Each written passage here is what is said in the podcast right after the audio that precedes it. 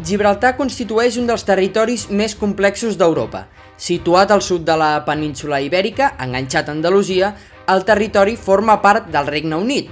La península de Gibraltar, doncs, és territori anglès just enganxat al territori espanyol, a qui va pertànyer fins a inicis del segle XVIII. Espanya ha intentat recuperar-ne la sobirania sense èxit des de que els britànics la van aconseguir el 1704. Avui, a camp de batalla, la presa de Gibraltar.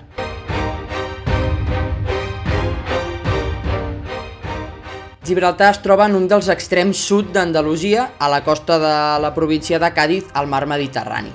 La seva situació és clau estratègicament, ja que es troba a una trentena de quilòmetres del continent africà.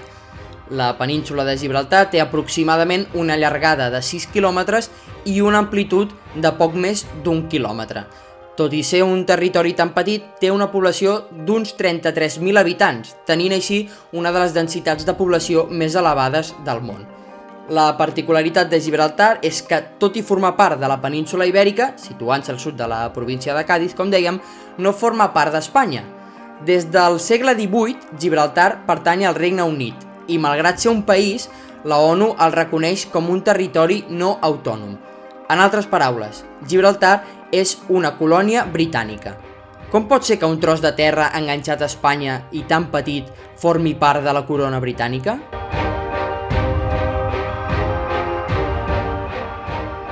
Com ja hem dit, Gibraltar està sota la sobirania britànica des de principis del segle XVIII. Fins llavors, la península de Gibraltar havia anat canviant de mans entre àrabs i cristians. El primer assentament permanent, de fet, data del 1160, ordenat pel califa Abd al-Mumin, qui també va ordenar la construcció d'una fortificació de la qual avui en dia encara en queda en peu la torre principal. Després de passar per diverses mans i assalts, Gibraltar va quedar sota domini cristià al 1462 i des d'allà a la segona meitat del segle XV que va quedar integrat a la corona de Castella. Però el domini espanyol de Gibraltar va durar poc menys de dos segles fins que va esclatar la Guerra de Successió Espanyola tot just començar al segle XVIII.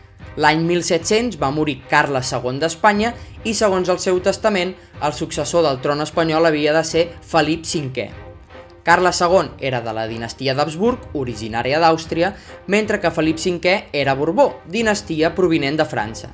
Aquest canvi en la sang de la corona espanyola va posar en alerta l'imperi romano-germànic, d'on provenien els Habsburg, a més dels Països Baixos i Anglaterra, que era el principal enemic de França, que era d'on provenien els Borbons, la família de Felip V. Així que aquests regnes, l'imperi romano-germànic, Anglaterra i els Països Baixos van apostar perquè el successor de Carles II fos Carles d'Àustria, mantenint així la línia de sang de la dinastia Habsburg. Al 1701, doncs, es va iniciar la guerra entre els partidaris de Carles d'Àustria i els de Felip V de Borbó, la coneguda com la Guerra de Successió Espanyola.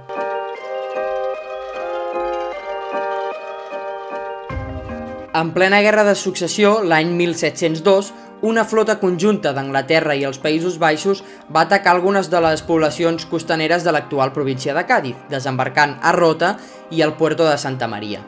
Aquesta incursió anglo-neerlandesa, però, no va tenir cap èxit i la flota es va retirar de nou cap a Anglaterra, tenint temps, però, d'aturar-se a Vigo per atacar i enfonsar els vaixells de la Companyia de les Índies Espanyola que es trobaven en aquell port.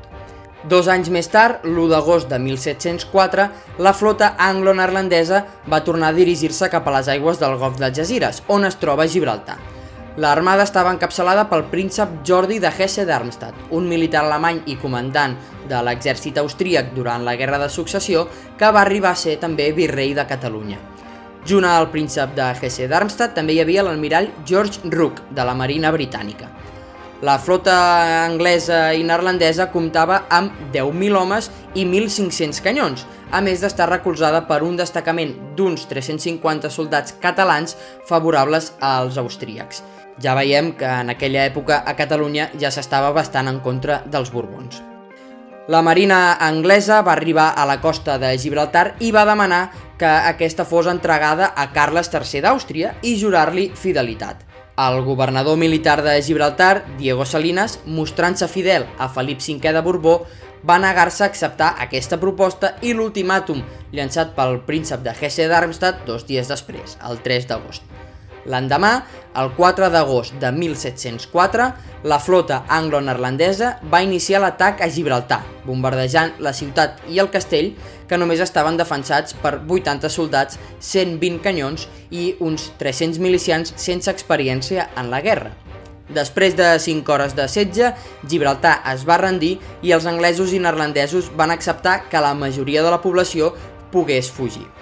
Gran part d'aquests refugiats van acabar fundant la població de Sant Roque, on encara avui es conserven objectes històrics de Gibraltar, entre els quals en destaca el des del document pel qual els reis catòlics havien otorgat l'escut d'armes a la ciutat. Gibraltar, doncs, va quedar ocupada pels anglesos i neerlandesos, si bé entre octubre de 1704 i març de 1705 Espanya va intentar recuperar-la sense èxit. La reina d'Anglaterra llavors va decidir quedar-se a la ciutat i treure-li el seu abanderat, Carles III, a més de declarar-lo un port franc anglès, fent fora tota la població i expulsant els mariners neerlandesos. D'aquesta manera, al 1711, a Gibraltar només hi quedaven militars britànics. Amb el Tractat d'Utrecht de 1713 entre Espanya i Anglaterra, en acabar la Guerra de Successió, es va fer oficial la invasió britànica de Gibraltar. Espanya va intentar recuperar la península en dues ocasions més, totes dues sense èxit. La primera va ser en la Guerra Anglo-Espanyola del 1727 i la segona durant la Guerra d'Independència dels Estats Units en el conegut com Gran Setge de Gibraltar entre els anys 1779 i 1783.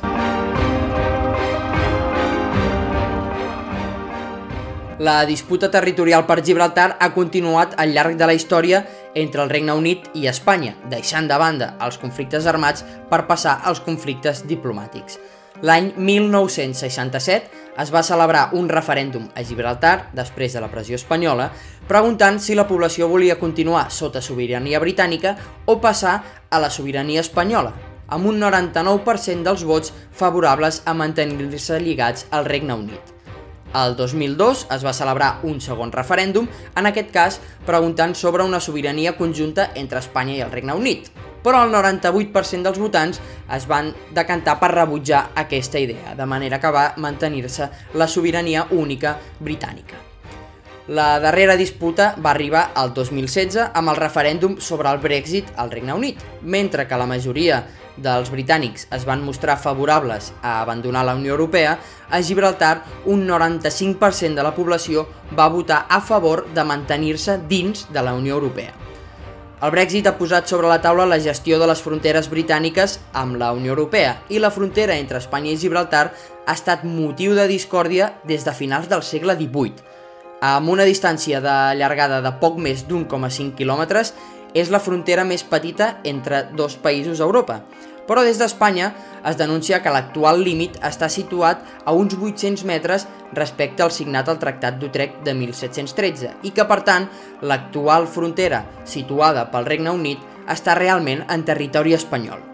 Una disputa per aquesta frontera i per aquesta península de Gibraltar que ha estat incapaç de resoldre's després de més de 3 segles de la conquesta britànica.